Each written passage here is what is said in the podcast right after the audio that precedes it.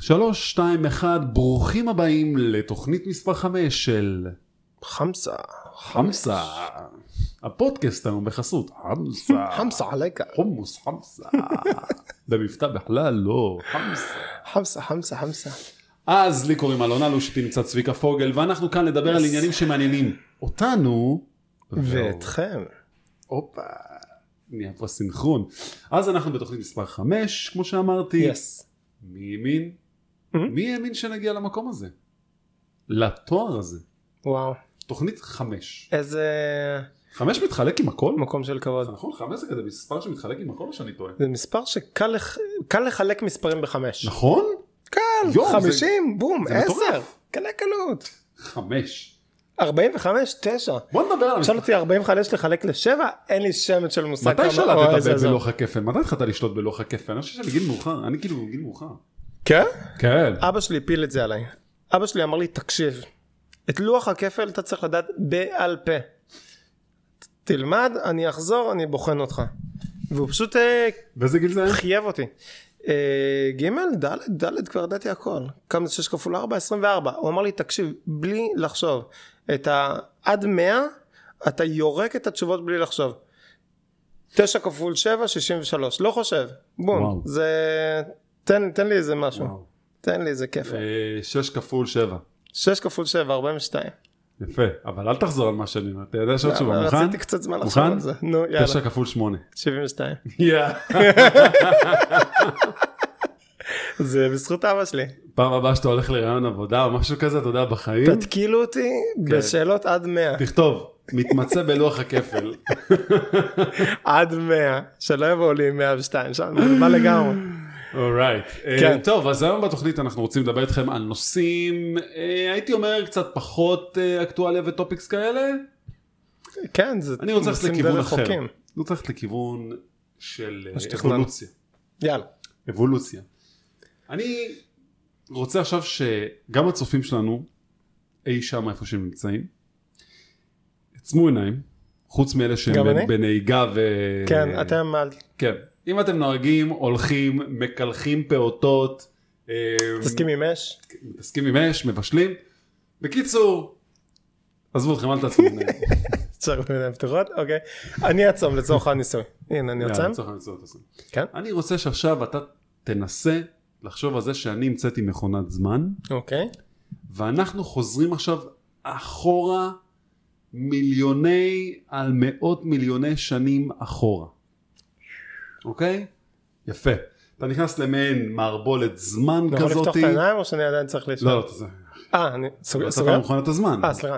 אוקיי, אני בפנים? אתה בעצם נמצא במעין כזה טאנל, מנהרה כזאתי שלוקחת אותך עכשיו אחורה אחורה, אתה רואה את השעון מתחיל לזוז אחורה, אתה מתחיל לראות את ה... הכל נאכל, הכל פתאום מתמרח, הכל נהיה קווים כאלה שלא. וואו, וואו, וואו. ואז אני לא מרגיש המכונה את זה. מתחילה לעשות מלא רעש ובלאגן, בום. פתח את העיניים, השנה כעת היא 2020. הרסת לי, זה כל סליחה. הדימוי שלי. סליחה. לא נחזור על זה, אוקיי. אוקיי, אבל כן, לא- לאיזה שנה נחתנו? אה, וואלה, לא לאיזו יודע. תקופה. אין לי מושג.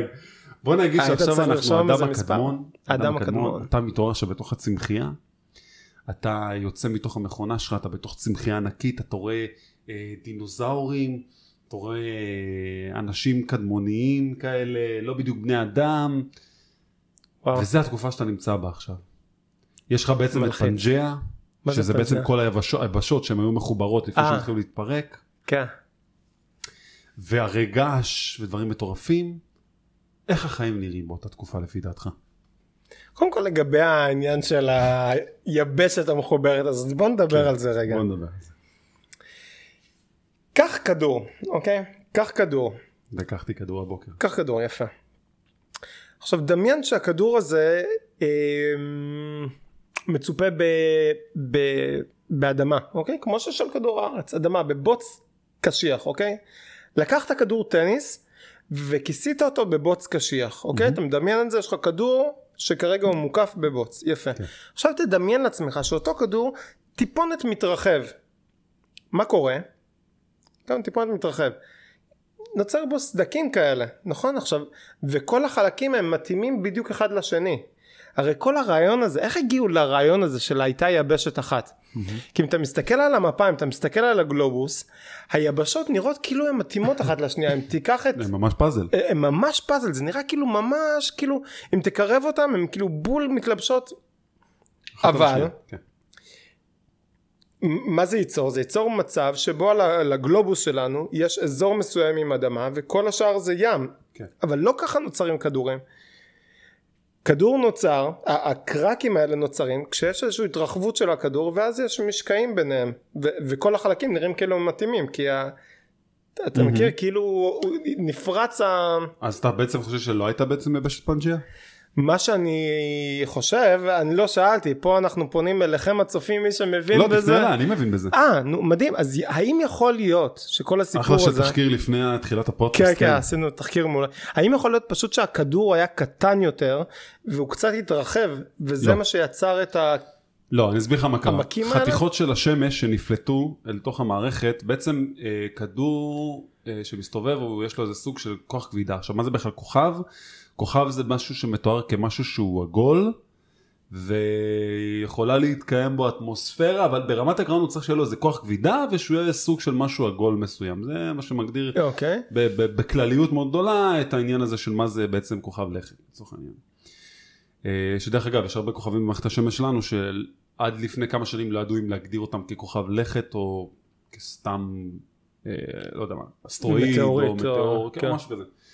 ומה שקרה אה, בכדור הארץ זה שכל הזמן פגעו עוד ועוד חתיכות ש, אה, של השמש. השמש הייתה פעם מאוד מאוד אכזרית, מאוד אלימה, הייתה מתפרצת, הייתה מעיפה כל מיני חתיכות ממנה, הלכה לסדנת... אה, ותיקח רוגע. את, תיקח את הירח, יכול להיות שהירח א' הוא חתיכה מתוך כדור הארץ שפשוט קיבלה אז גם פיצוצים מסביב מכל מיני סלעים, וואלה. ובגלל זה יש לה מכתשים מאוד גדולים. נכון. כי הרי יש מה זה יכול מכתשים. לקרות? ו... אמ, אז, אז הכדור שלנו בעצם כל פעם קיבל איזה פצצה מסוימת מסלעים אחרים, מה שיצר מעין אה, אה, פיצוצים, כביכול שמדמים פיצוצים של אה, פצצות אטום ודברים כאלה, מהמם. מה שגרם להתחממות, ואז להתקררות, ואז עוד פעם להתחממות, ואז עוד פעם להתקררות, מה שיצר בעצם התחלה של שדה היתוך מגנטי שקרה מבפנים, מהמם. ובעצם כתוצאה מכך הכדור אה, היה כל הזמן כופה ומפשיר, כופה ומפשיר, מה שבעצם הביא אותנו למקום שהסורפייס, ממש הסורפייס הכי דקיק שאתם יכולים לחשוב עליו, כמו בקליפה של לימון, זה בעצם היבשות וה, והים שיש סביבנו כביכול. מהמם. כי כתוצאה מהקיפאון אה, נוצרו מים מאדים, אוקיי. והיבשות שלנו הם בעצם אה, סוג של אה, התפרצות געשית לצורך העניין, שבאה מההיתוך הפנימי של אה, כדור הארץ. הרי בפנים מה שיש לך זה מגמה וכל מיני סוגים שונות של, שונות של מגמה ולבות ודברים כאלה, מהמם. של, שזה בעצם היתוך של מה שיוצר את השדה המגנטי סביבנו ומה שבעצם גורם להתפרצויות האלה של החומרים הללו למעלה ומייצר לנו אה, יבשות.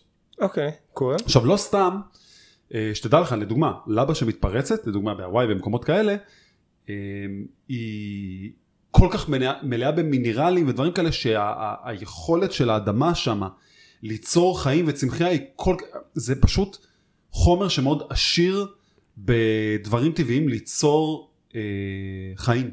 וואלה. כן, מאוד, מאוד, כאילו ברמה מטורפת. זה חומר מאוד מדושן עם המון מינרלים שיוצר חיים.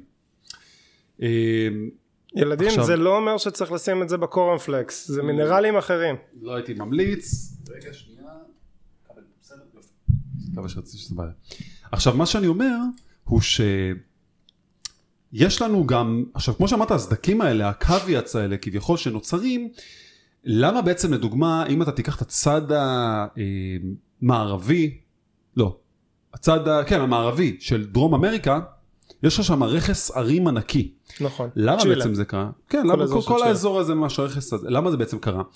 כי הלוחות הטקטונים האלה שאנחנו מדברים עליהם, זה באמת לוחות שהם צפים מעל המגמות, מעל הדברים האלה שמותחים מתחת לה, והם בעצם הם נעים. עכשיו, בגלל שזה, נגיד לדוגמה, פה יש לי איזה לוח מסוים, שזה דרום אמריקה, ופה יש לי עוד לוח מסוים. עכשיו מה שקורה זה, זה שהלוח מתנגש אחד בשני, Mm-hmm. וכתוצאה מזה שהוא מתנגח בו, אחד מהם מפסיד, ומתחיל לרדת לכיוון למטה, לתוך המו- החלק המותח, ואז הוא מתחיל להרים את הלוח, Mm. וככה נוצרים הרים, אם תלך להימאליה ולכל המקומות האלה.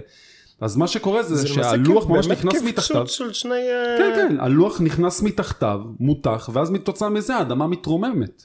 מגניב. זה תהליך שאתה יודע, כל אה, 100 שנה מילימטר לצורך העניין. כן. עכשיו זה כבר מדוד שהיבשות שלנו מתרחקות אחת מן השנייה, לדוגמה אם תיקח את אירופה ואת אה, ארצות הברית, Mm. כל שנה זה, זה 2 מילימטר וואלה. שמתרחקות אחת מהשנייה.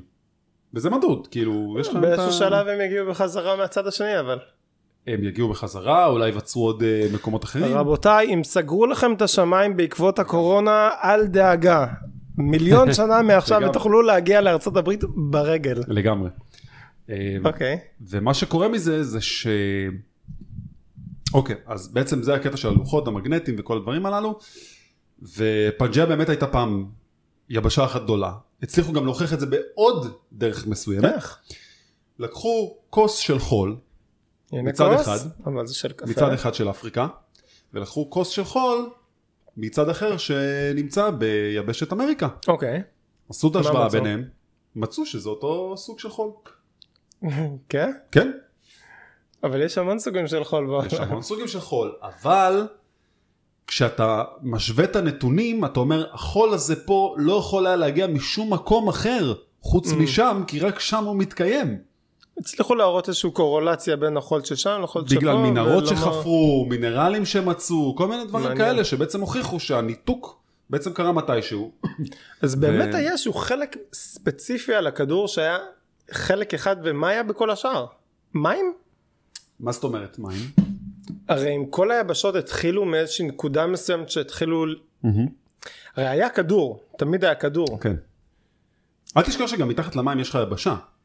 כן, כאילו, לגמרי. יש לך גם הרים אני תת-מימיים. מדבר על ה, למעשה על הרים וגבעות. הרעיון שאני חשבתי שהוא היה שכמו שכל דבר שמתנפח הוא...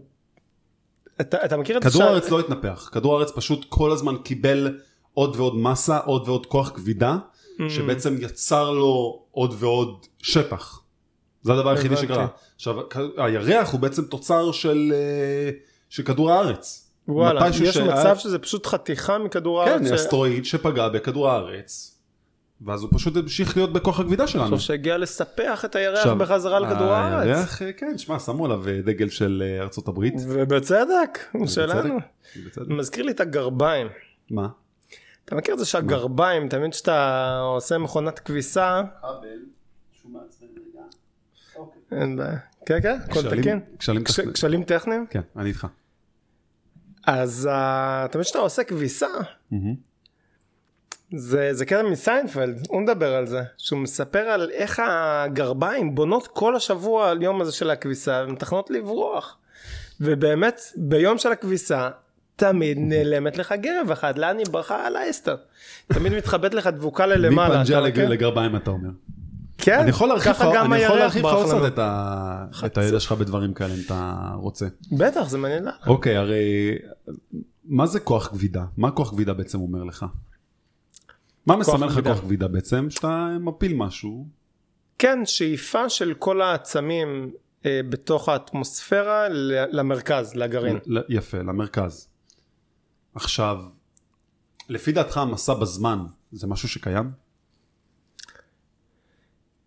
אה, שאלה גדולה.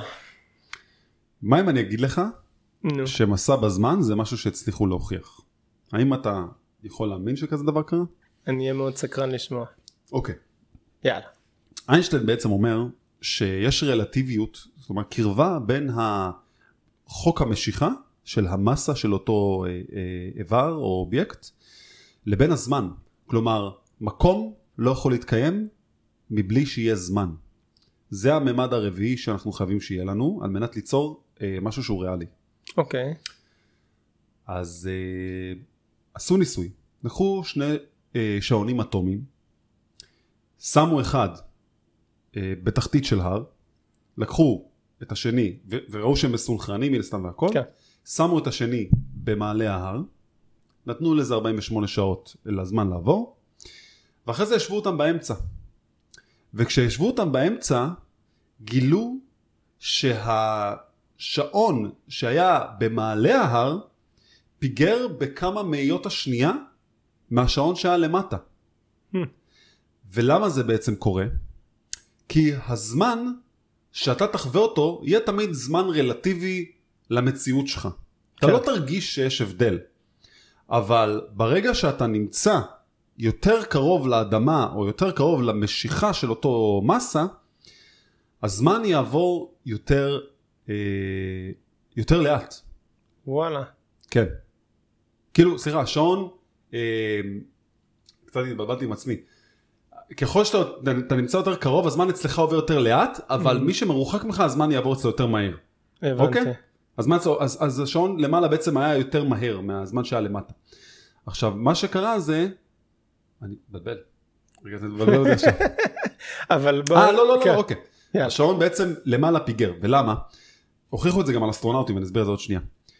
אה, מה שקורה זה, זה שאתה צריך להסתכל על, על, ה- על החלל כאל מעין כזאת רשת, שכוכב יכול לשבת בתוכה, ואז הוא כאילו, כאילו הוא שוקע לתוך הרשת הזאת, לתוך, לתוך המש הזאת. וזה מה שמייצר את המסה של הזמן, של הרלטיביות של הזמן. אוקיי. עכשיו לדוגמה, לקחו שני תאומים, שאחד מהם הוא אסטרונאוט, השני הוא לא. נולדו בהפרש של כמה שניות אחד מהשני, יש להם את אותו מבנה גוף, לא מעשנים, אוכלים בריא, כל הדברים האלה. אחד מהם בילה במשך שנה בחלל, וכשהחזירו אותו, הוא היה צעיר יותר מאחיו בשתי דקות. רק אה, מזה שהוא חי מחוץ לכדור הארץ, בכוח משיכה יותר... איך אה, ישבו, כאילו על השעון זה? זאת אומרת, איך ישבו את זה שהוא יוצר את ה... לקחו תאים מסוימים ועשו את התאים ההשוואה מהם או- מבחינת ה- ה- הגיל זה אני שלהם. מבין. כן, אז כאילו הם, הם הצליחו להוכיח פה בעצם שמסע בזמן זה דבר קיים. ובעצם, איך אתה בעצם עכשיו יכול לייצר לעצמך מסע בזמן? שאתה יכול לעשות מסע בזמן קדימה, מהמם. לאו דווקא אחורה. כלומר, אם אתה היום תחוג סביב השמש, שיש לה כוח משיכה מאוד גדול, ואתה תחוג סביבה, ונגיד בזמן שלך יעבור שנה, כשאתה תחזור לארץ, זה יכול להיות מתפרס ל-X שנים כפול מ- ממה שאתה חווית. תן לי ל- to rephrase ולהבין אם אוקיי. אני הבנתי את מה שאתה מהמם. אומר למעשה. אם אני מבין נכון את מה שאתה אומר, אתה אומר שהזמן הוא איזשהו ציר, ציר צ- שמודד תנועה. כן. עכשיו, פה בכדור הארץ, בתנאים שבהם אנחנו נמצאים, עם כוח הכבידה שאנחנו נמצאים בו, כן. ה... בוא נגיד התפתחות האדם לוקחת 80 שנה ב... או 100 שנה כן. במונחים של כדור הארץ. כן. בעוד שיכול להיות שעל כדור אחר התנועה של התאים, של זרימת הדם, של התנועה התפתחות של הגוף, המרחב, המרחב, המרחב, ה- ה... ה- התנאים, תנאי הסביבה גורמים לזה כן. שההתפתחות של הגוף תהיה איטית יותר, לא או הגוף, מהירה הכל, יותר. הכל. אתה לא תרגיש בהבדל הזה בזמן שאתה שמה, אבל... ברור, אתה, אתה חי באיזושהי מציאות אחרת שיש התפתחות כן.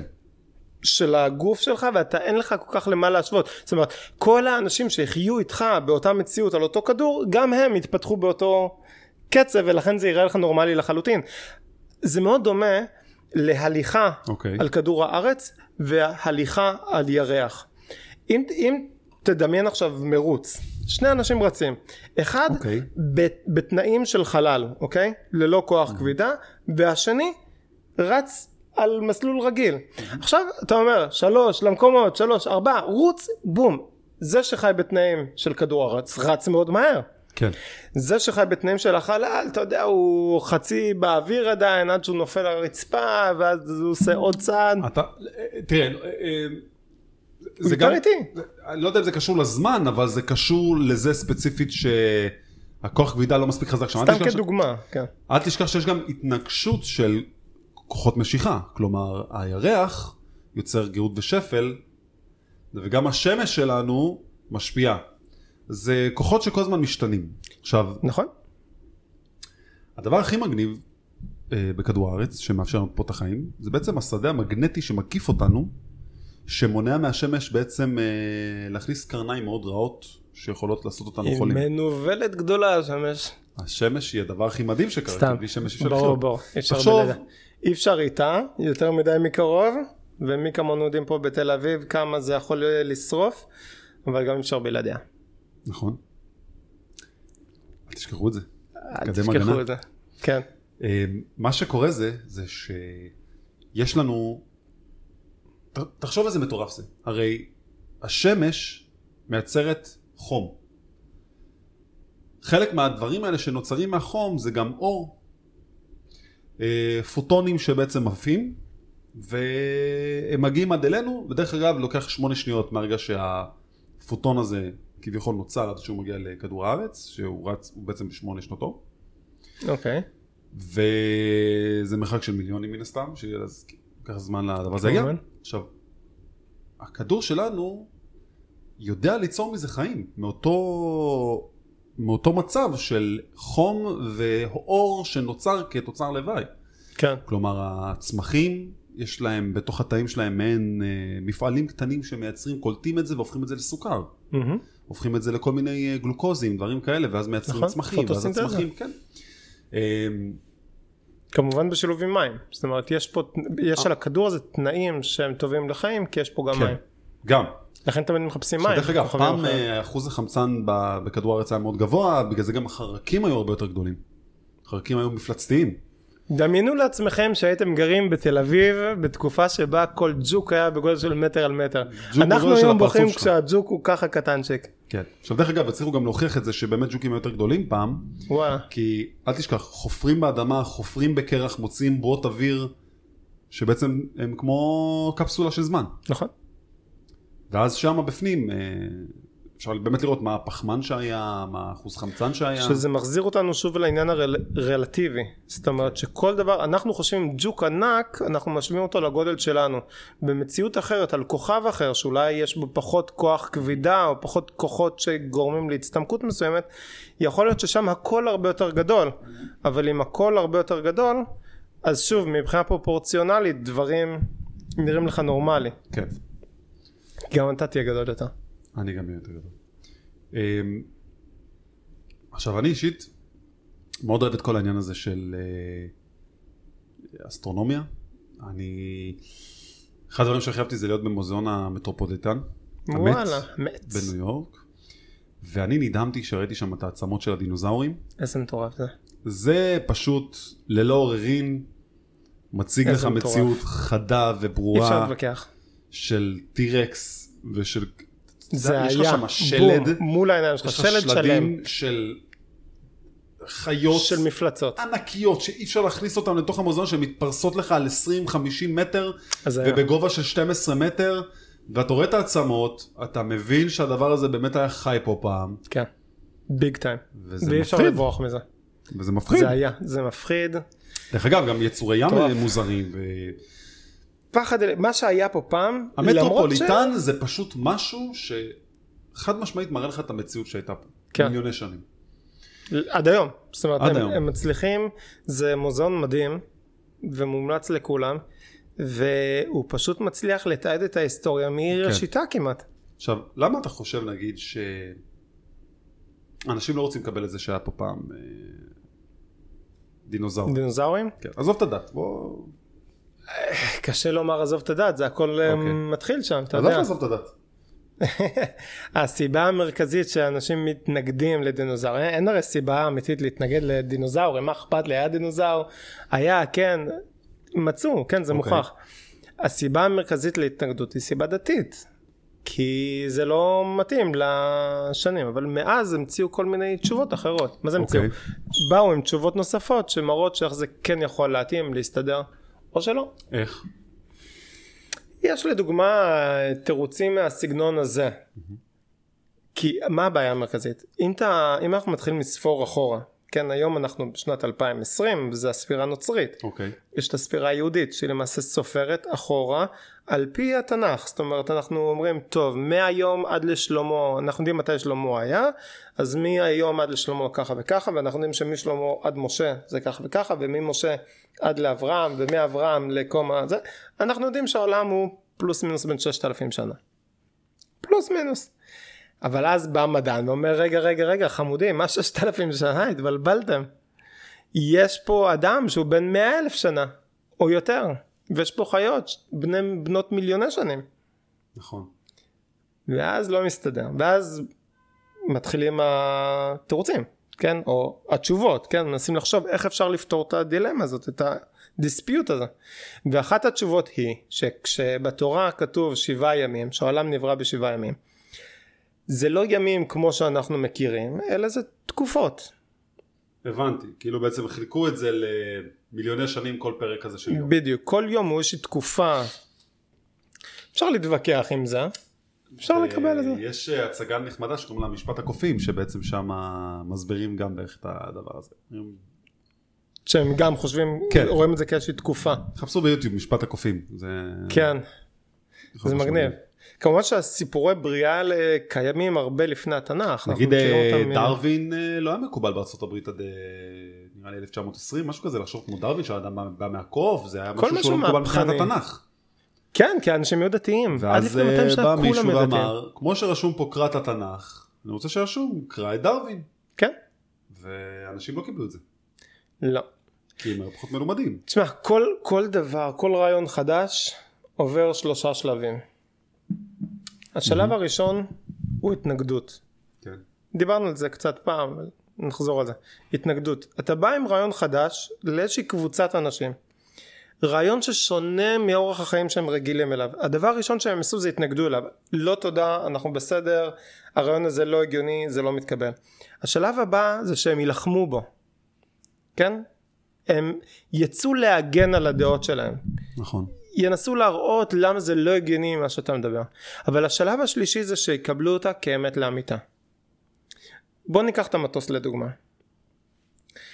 כשהאחים רייט והיה להם גם מתחרה אנגלי בית, בן אצולה האנגלי שגם ניסה לפתח מטוסים כשהם התחילו עם הדבר הזה זה היה נראה וזה לא היה מזמן האחים רייט היו אתמול ב- בסטנדרטים היסטוריים אתמול ובאו והאצולה ה- בית המלוכה האנגלי הוציא מסמך רשמי שאמר שלא הגיוני שגוף מתכת יעופף באוויר זה באמת לא נשמע הגיוני ואז גם התחילו להילחם בזה ב- בעיתונות זה לא הגיוני זה לא יכול להיות אבל היום אתה לא יכול לדמיין את החיים שלך בלי מטוס היום זה אמת לאמיתה נכון.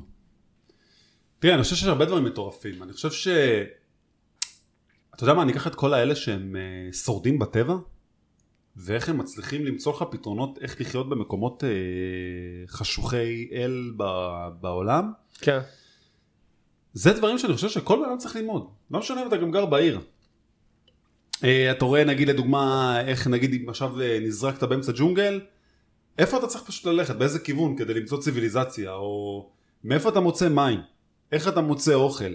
זה דברים שלא עברו איתם עלינו, כי אנחנו כבר אה, אנשי עיר, אנחנו כן. לא רגילים לדברים האלה, אבל כשאתה רואה את מה שהם עושים, זה אשכרה משהו שיכול להציל אותך, זה בין חיים למוות. כן. הצורה הזאת שהם אה, יודעים איך להתמצא בטבע ו- ולעשות מחסה ההישרדות ולהדליק הזאת. אה. אש. מעבר לזה שזה מגניב לפי דעתי, אני חושב שזה דבר שהוא סופר לגמרי מה מגניב. שהייתי רוצה לחוות.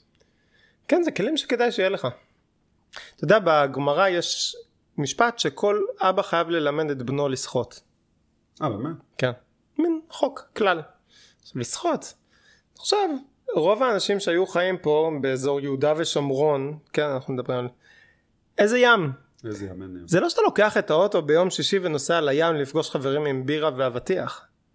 זה אנשים שלא יצאו מה- מהכפר שלהם כל חייהם. או הלכו כמה קילומטרים, ובכל זאת יש חובה על האבא ללמד את בנו לשחות. כדי שאם יום אחד אתה תיפול למים, שתדע להציל את עצמך. וואו. מטורף. זה דוגמה נחמדה, כן, זה מעניין. אז אתה צודק, כן, יש כלים שכל אדם אולי צריך לדעת, או שכן או שכן או שלא. איפה אתה חושב שמצבנו לדוגמה עם חייזרים? אני אומר שחייזרים חיים כבר בינינו. לגמרי. האם אחד מאיתנו הוא אני- חייזר? אני לגמרי חייזר. אני... אם אחד מהצופים הוא חייזר, אנא כתבו לנו בתגובות. אני כאילו מאמין שלגמרי כאילו אנחנו איזה קולוניה של חייזרים ששמו אותנו פה ו... ואם לא אז אנחנו סימולציה של מחשב אבל חכה עם זה. יכול להיות שיהיו פה חייזרים. או שאנחנו חייזרים. מה זה דבר שהוא מה זה הגיוני חייזר? מה זה חייזר? אנחנו כולנו חייזרים. חייזרים, אנחנו לא אנחנו חייזרים. אנחנו חייזרים עבור אדם אחר. אנחנו צריכים פשוט עבור יצור להוכיח אחר. שיש איזה תא חד-תאי, דו-תאי, לא יודע מה איך שתקרא לזה, שמתקיים גם בכוכב אחר. וזה ואז הוא חזר, הוא חי, חי. זר. כן, זה אלמנט שחי. כאילו, כן. אז אז זה גם מאוד הגיוני שזה יהיה. הכי הגיוני שבעולם. אה, אז העניין הוא איך אנחנו עושים את זה, איך אנחנו, איך אנחנו מוכיחים את זה. צביקה, אני רוצה שבפודקאסט היום, אני ואתה נוכיח את הדבר הזה. שיש חייזרים. שיש חייזרים, שפנג'ה הייתה באמת קיימת, שדינוזאורים באמת הילכו פה על האדמה. אז הנה הבאתי לך, כן, כן. עצם של תכלס, חייזר. סתם לא. נראה חייזרי. אה, כן, יש מצב שהיו פה לא חייזרים לגמרי. אז אני בינתיים אה, ינים את זמנכם פה. כשלים בשידור, כשלים, מה מה נעשה, אין מה לעשות. כן. כשלים מה בשידור. מה אנחנו מחפשים שם למטה? אה, כבל שם שמתנדנד. אז, אה, אז, אז, אוקיי, כן, אז אז חייזרים. חייזרים.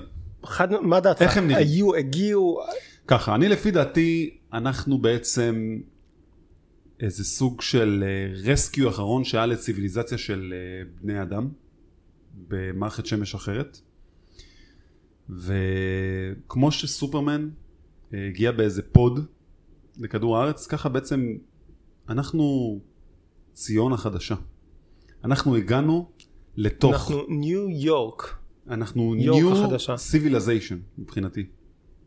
כלומר, חיפשו כוכב למקרה של יום דין מסוים באיזה כוכב לכת במקום מרוחק, שלחו לשם כמה אה, תאים פרטים, ש- שהתפתחו. תאים, פרטים, you name it, ופשוט משם אנחנו בעצם הגענו לאיפה שהגענו. אז האדם הראשון, האדם הראשון וחווה, כן? הסיפור המקראי על אדם וחווה. אתה אומר ש, שזה סיפור שהיה קיים בכל העולם, כן? זה- זה הרעיון הזה של זוג אנשים שמתחיל עוד איזה נוח משהו. וגילגמש. כן, כ- כל הסיפורים האלה, זה זה בן אדם שמתחיל איזה שושלת. אתה אומר, יכול להיות שהבן אדם הזה הוא למעשה חוצן. חוצן. כן, אני לגמרי מאמין בזה. למה לא? אני ממש חושב, כאילו, מה ההיגיון שמתוך אוקיי, כל יש לי העול- למה לא. היקום, סליחה, יש לי למה לא. רגע שנייה, אז מכל היקום הזה שאנחנו מסתכלים עליו מסביב, לא יכול להיות שבכל הדבר המטורף הזה לא נמצא עוד בני אדם, אין סיכוי, ש... זה, זה עניין של זמן. א', יש סיכוי שסביבנו יש עוד כוכבים. העניין הוא כזה, הסיכוי להתפתחות חיים בכוכב מסוים, יש כל כך הרבה משתנים שצריכים לעבוד ביחד שהוא מאוד תראה מאוד את מאדים, קטן. יש כל כך הרבה מקומות שמצאו שכבר היה שם מים, בגלל איך שהסלעים נראים, הזרימה של החול, היה, אבל כל מיני דברים. החום, הקור, כמות החמצן, יש להם אטמוספירה, יש- עדיין, זה, זה, וזה בדיוק מה שמראה לך. יש כוכב אחר, פה ליד, שדי קרוב, כן, אתה אומר, וואלה... אה, רק ארבע שנים טיסה. כן, א', די קרוב אה, לטיסה, וב', שלום כאן הקרבנית, אנחנו יצאנו בטיסה, אה, נגיע לשם בעוד ארבע שנים. נא לך ועוד פלאפונים. בינתיים אה, נוציא לכם אה, שתייה קרה, מיד תוגש לכם ארוחת הערב. כאן אה, ער אה, ארקיע, תכלס יכול להיות שתסוד ער ארקיע למאדים. מאדים, הרגיע מאדים. טיסה נעימה.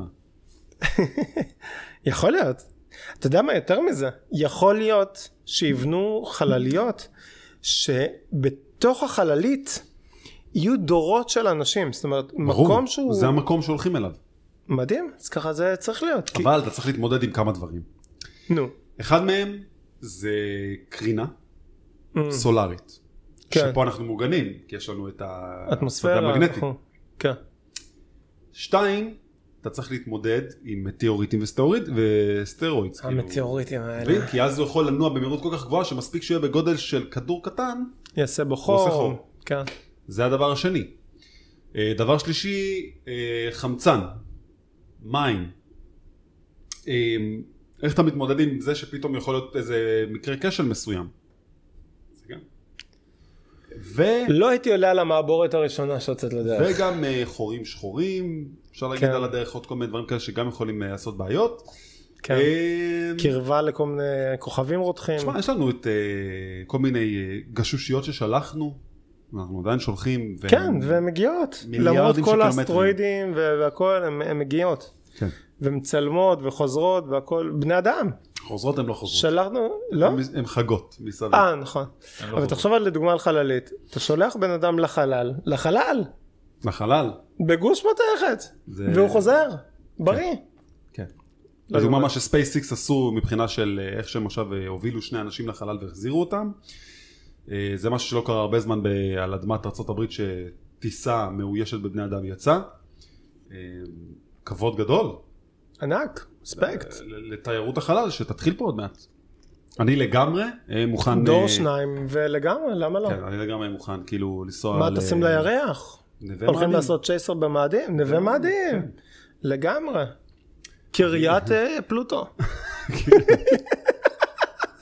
קודם כל אתה תשקול שם פחות. נחמד, הנה, יכול- כבר- יכול כבר יותר. התחלנו בטוב. בוא נדבר על תיירות ב- בכדור... אה, ב- ב- על מאדים או... ש- לא, בוא נלך על הירח רגע, בוא נלך על הירח. תיירות ירח. אה, על הירח, איך היא- איך היא תיראה? אתה מגיע, אתה נכנס, בעצם אתה עף, כאילו אתה לגמרי. קופץ לשם, זה משנה לך גם את כל הסלנג, כל השפה. אתה רואה את כדור הארץ. מנוף. כן. איך אתה רוצה את כדור הארץ עם מנוף? אתה הולך אה, לראות את השקיעה. זה לא השקיעה שיש לנו פה, זה שקיעה אחרת. זה, כן, זה שקיעה אחרת. זה אותה שמש, זה מסבך את כל העניינים. כן, לחשוב על להיות על, על, על, על הירח? אתה לא אומר וואו איזה ריח יפה היום יש בחוץ, אתה אומר וואי איזה כדור הארץ יפה יש שם בחוץ. תחשוב על זה. וואי, אה, יש היום אה, ליקוי פלוטו. מאוד מוזר. זה מדהים. ומדהים, כן. אה, כן, תכלס זה די מגניב. ואז י- יקימו שם בטח את אה, נווה ירח. נווה אה, ריח. תל ירח. תל ירח זה היי סוסייטי, זה קלאסה. כן, אה, רמת ירח ג' כמובן, אוקיי. מגדלי יהיה ירח, לך פתאום אזור של סלאמס. יהיה סלאמס, לך את אנשי הירח האלה, ואנשי הירח האלה. ואל תשכח- משכנות ירח, אל זה תשכח לא- שגם הסלאמס. יש את הדארק סייד של הירח. כאילו הירח לא מסתובב על צירו. הוא לא מסתובב על הוא צירו? לא מסתובב על צירו. רגע, רגע, רגע, הוא למה לא תמיד כמו אומרים- כדור למה תמיד הארץ? אומרים The Dark Side of the Moon? כי הוא נראה לנו כאזור מסוים, לא? מה, יש- יש סייד אחד שהוא תמיד דארק? כן. מסכנים האנשים שיחיו שם. The Dark Side of the Moon. וואו, מה זה לחיות בחושך תמידי? כן. מי יחיה- מי יחיה שם? מה, הוא לא מסתובב על סביב צירו? איזה ווירדו. איך זה? ווירדו. אה, כי הוא- כי הוא לא אמ, פתח את כוכב? הטלפון שלך רגע, פתח את הטלפון שלך שנייה, ותרשום רגע... רבותיי, הירח. אני פה עם הפלאפון, מה לכתוב? אין ספק, תרשום הירח, כן, ותן לי את הטלפון, הירח. אני רק רוצה לדעת שאני לא יוצא דפקט. כי לפי דעתי, אני חוזר ואומר, אה, יכול להיות שזה רק כוכבי לכת שהם באמת מסתובבים סביב איזשהו ציר אני וזה רושם בגלל פה- שזה סתם איזה חתיכה מהכדור הארץ. הצד האפל של הירח. רבותיי, בקרוב נדע את האמת קודם כל אה, הגעתי לע- המטלטלת. לעטיפת האלבום של פינק פלויד. אוקיי. הצד הרחוק של הירח הוא צידו של הירח שאותו לא ניתן לראות מכדור הארץ. וואו. יפה. אז יש צד של הירח שאי אפשר לראות, כן, שהוא תמיד מוסתר. כן. מרתק. אנחנו תמיד רואים את צידו המואר. לא יודע. איזה קטע. אולי זה פייק ניוז, לך תדע. אני כבר לא יודע למה להאמין אי ולא אפשר לדעת, להאמין. אחי. אולי אנחנו מסתכלים למעלה וזה בכלל מסך מחשב, ומשחקים לנו אותה כאילו יש משהו מסביב. אני לא מאמין לכלום. אני אומר, דוגרי, התמונת, אה, אם ראית את התמונת קאבר שלי בפייסבוק, התמונת קאבר אומרת כזה דבר, זה, זה ציטוט של פילוסוף יווני, שאני לא זוכר מה שמו, שהוא אומר, כל מה שאני, אה, של אריסטו, כל מה שאני יודע הוא שאינני יודע דבר. יפה, משפט מאוד פילוסופי. ממש, פילוסופי ו- ונכון, אנחנו... וככל שאתה יודע יותר, אתה יודע פחות. זהו, זה, זה אנחנו חלק עוד מעניינים מהעניין, בנושא הזה? זה מה שיש לי לומר בנושא. אוקיי, אז בוא אני אקח אבל אותך זה- למקום אחר. כן, אני אדם קדמון, אני חי אה, בין העידן הקרח הראשון אה, לשני, ככה זמן טוב, הכל קצת מתחמם. תקופת ביניים היא נדרת, הכל פה, פורח. מערת נופש שמה, חבל חמותה הזמן. פה, קצת אוכל, פרוות. איך אני יוצא לדייט? אתה חוטף את האישה, לא? ככה חוטף זה את היה האישה. באותם הימים. איך נראה הדייטינג בעולם האדם הקדמון? הו. דייט בוא קצר נחשוב על ולא זה, אה. יקר. התסרוקת לא בדיוק תסרוקת. כן, האמת, אוקיי, בואו נדבר שנייה על הנושא הזה. עכשיו אני מדבר איתך כמובן שאני בשיא פריחתי, גיל 19, כי... אנשים לא גיל חיו כזה 14 הרבה. כבר אתה חוטף את גיל ה... כן. 14 אתה כבר כאילו עם ילדים לפי דעתי. יש לך במערה כמה וכמה נשים שמגדלות ילדים, זה תשמע, אנחנו מדברים על תקופות פרה-היסטוריות, זה לא עם מונחים אה, אתיים כמו שלהם. כן, לא היה אז אה, קופות חולים ובתי חולים. לא היו חוקים. אני חושב שקורונה זה היה הדבר הכי קליל שהיה להם שם פעם. קורונה. אז אוקיי, אז איך, איך הם התחילו? נגיד עכשיו אני אדם קדמון, איך אתה, מתחילים עם אתה בחורה? תשחק, אתה תגלם אישה קדמונית. או שאפשר בוא- לעשות את המשחק בוא נעשה, הפוך. בוא נעשה כן. סימולציה. אוקיי. או. או. או, או. או. אבל יש לי שאלה רצינית אליך. רוצה לבוא... אה, למערה שלי? לא. עכשיו זה לא משנה גם אם היא אומרת כן או לא. היא תלך. כן, זה זה רק לנחמדות אתה לא, אני שואל. מנסה לחשוב כי היה- כי היה שבטים והיה את כל הדברים האלה, אבל באמת איך כאילו... אה, סביר להניח שזה היה כמו אצל החיות, איזשהו... אה, היית מרשים את הבחורה עם איזשהו כוח פיזי שהיה נותן לה תחושה של ביטחון מה, כאילו אם הייתי והגנה. הורג ממוטה וכאלה? כן, היית בא, אתה יודע מה? איפה אפשר לראות דוגמאות טובות לזה? אם אתה הולך לכל מיני שבטים נידחים, בכל מיני אה, יבשות, ואתה תכלס מה אתה רואה שם? אתה רואה התנהגות שהציוויליזציה המודרנית עוד לא בדיוק נגעה בה. כאילו כן? מי הכי אמיץ? מי הכי אמיץ, מי הכי חזק, מהמם. מי, אתה יודע. אמ, כי בסופו של דבר, מה הבני אדם רוצים? וכמובן זה כולל גנים טובים. גנים טובים, יציבות, אה, יכולת שהילדים יהיה להם אוכל ויכולת הישרדות גם של הדור הבא. אז אם בא ב- גבר חזק, כן? מהמם. עם, עם חנית כזה, ואומר, "וו, וו, וו", ומראה שהוא הרגע הרג אה, טיגריס, האישה מרגישה ביטחון כשאדם כזה נמצא בסביבתה. אוקיי. כן, אנחנו מדברים לא, במונחים כן, לא כן, כן, של אני- היום, לא זה של היום. לא מערבי, נשים אז- אז- יקרות. אז- אז זה- אוקיי, אז בוא נגיד תקופה עכשיו אחרת. ש... אוקיי, אז אז אני כאילו בעצם צריך להרשים. אתה מרשים אותה, ופה גם יש לי שאלה אליך. תחשוב על מודל היופי, אוקיי? אנחנו היום מסתכלים על איזשהו... אתה רואה תמונה של בחורה, שזה אגב יכולת די מטורפת של המוח. תחשוב את עצמך, אוקיי, עכשיו רווק, דמיין את עצמך רווק עכשיו, בטינדר. אוקיי, אנחנו שוב חוזרים לא- לאפליקציה של טינדר, ואתה נמצא באיזושהי אפליקציית היכרויות, לא, איזושהי אפליקציה, אוקיי? ואתה מעביר ימינה ושמאלה, באיזה מהירות אתה, ת, תראה לי שנייה עם האצבע, באיזה מהירות אתה מעביר, עם- תחשוב איזה שנייה. יכול, חצי שנייה, חלקיק, כן, מספיק שאתה רואה פנים. אתה בתוך עיניים. שנייה יודע אם היא מתאימה לך או לא, כן. כן מבחינת מראה, כן, איזה יכולת מטורפת, נכון, חלקיק שנייה ואתה יכול לומר האם הבחורה יפה או לא יפה, אמת. איך זה, ומה זה מודל היופי בכלל, מודל היופי זה... איך יודעים, זאת זה- אומרת, איך אתה יודע, תשמע. וואי, זה קשה. קשה קשה, לאללה, קשה לענות על זה. כאילו יש תמונה של בחורה ותמונה של בחורה אחרת ועל אחת עושה ימינה ולשנייה שמאלה תהרוג אותי אני לא יודע למה. אני רוצה לדבר איתך על עוד משהו שאני גם לא מבין. לא, לא, כיוון אתה ממש טוב, אני רוצה לדבר איתך על עוד משהו שהוא כן. קצת בטופיק אחר, אבל שאני גם לא מבין. יאללה. כשאתה נכנס לבריכה, אתה מרגיש רטוב, נכון? נכון. עכשיו, י- לפני שנה יצא לי לשחות בבריכה כל יום.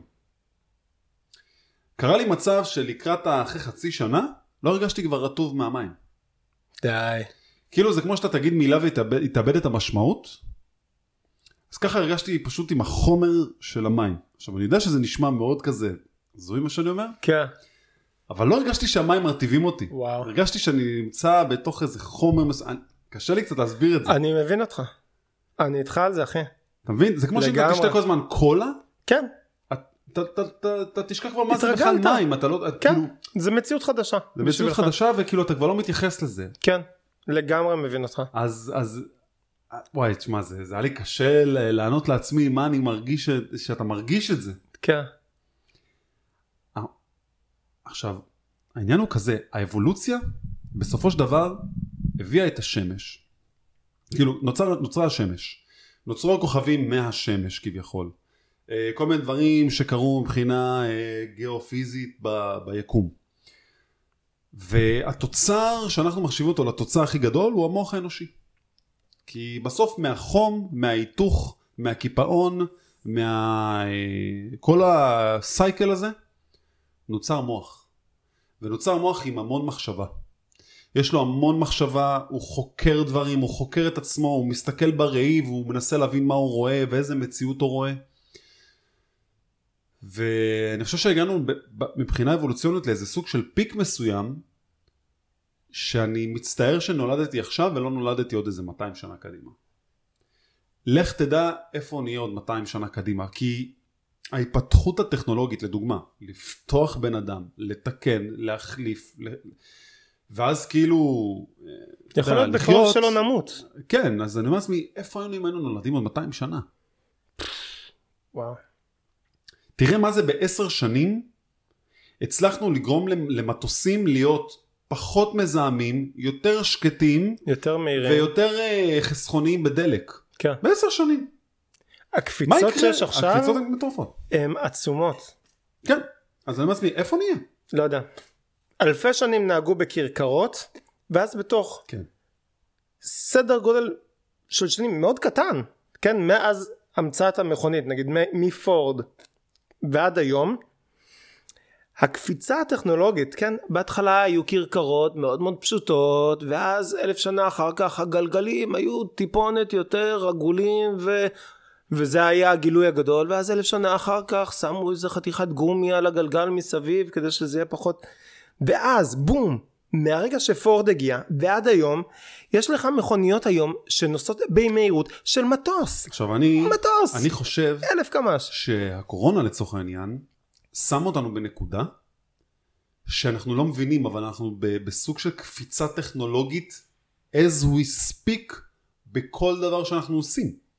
תחשוב על זה, כמה דברים השתנו בעולם, טכנולוגית, וגם מבחינה של, אה, של, של הסביבה שלנו ושל המזג אוויר ושל כל מה שקשור לגיאופיזיות שקורה סביבנו בעקבות הקורונה. העולם מתאים את פחות עצמו מחדש מזוהם. למ- למציאות החדשה. כן, פחות מזוהם, אנשים יותר בבית, פחות נוסעים, פחות מזהמים כ- כ- כביכול, פחות טסים. ה- השדרוג של ה... איך שאנחנו פתאום עובדים, הכל משתנה. נכון. ו- ואנחנו מתאימים את עצמנו ומשדרגים. כלומר, מקצוע שעד היום היה בן אדם, הופך להיות רובוט. כי לגמרי. הוא לא חולה, הוא לא יכול להעביר מחלות, הוא יכול לעבוד 24 שעות. וזה מה, ש... זה מה שמטורף, תמיד שמגיע איזה רגע באנושות, שהוא כביכול רגע של משבר, משבר? לגמרי. משבר ההפך. זה בדרך כלל דבר מאוד טוב כן. לעולם, כי מהמשבר אתה צריך, אתה חייב להתאים את עצמך למציאות חדשה. כל כך נכון, אמ, כל כך נכון. ה- האמת, נושא שהוא קרוב אבל לא מדויק, זה השאלה היא, האם בכלל יש חשיבות אמיתית ל- להישרדות האנושית, כן? ואני אסביר. אנחנו כל הזמן חושבים במונחים אתיים, וואי חשוב מאוד שהאנושות לא תסבול, ש... ש... שלהציל חיים כל הזמן, מאוד חשוב לנו להציל חיים. אבל עכשיו בואו נדבר שנייה עם רגע עם יד אחת, עם, לא עם יד אחת, עם יד על הלב ונחשוב על זה. רגע, לא בהכרח האנושות היא דבר טוב לעולם. אנחנו לא בהכרח משפרים את הכדור הזה. וגם מה אכפת לנו לכאורה? האם הכדור הזה מזוהם, שורד, לא שורד, יש כל כך הרבה כוכבים, זאת אומרת, האם באמת, זה שאלות קצת פילוסופיות, כן? אבל האם באמת יש חשיבות אמיתית להגנה על האנושות או יכול להיות שכשיהיו פה פחות אנשים כן יכול להיות שהאידיאל צריך להיות שיהיה פה כמות מסוימת של אנשים על הכדור הזה כדי שלכולם יהיה הרבה הרבה יותר טוב תחשוב כמה עוני וסבל יש היום כתוצאה מכך שיש איזשהו סוג של פיצוץ אוכלוסין ואנחנו לא מצליחים לספק את הצרכים של מיליוני מיליוני אנשים בכל העולם רוב העולם הוא עולם שלישי רוב, Mhm. רוב העולם אוקיי, סובל אוקיי, הוא לא אוכל טוב הוא בתת תזונה אוקיי.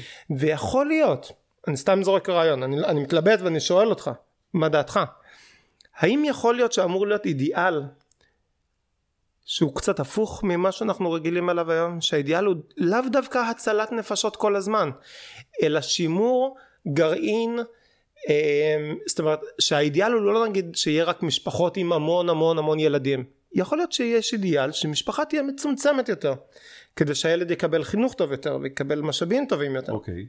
מה דעתך? אמ, אני חושב שאין תשובה חד משמעית. אני חושב שהתשובה היא שאנחנו ספציפית פה לתקופה, ותו לא.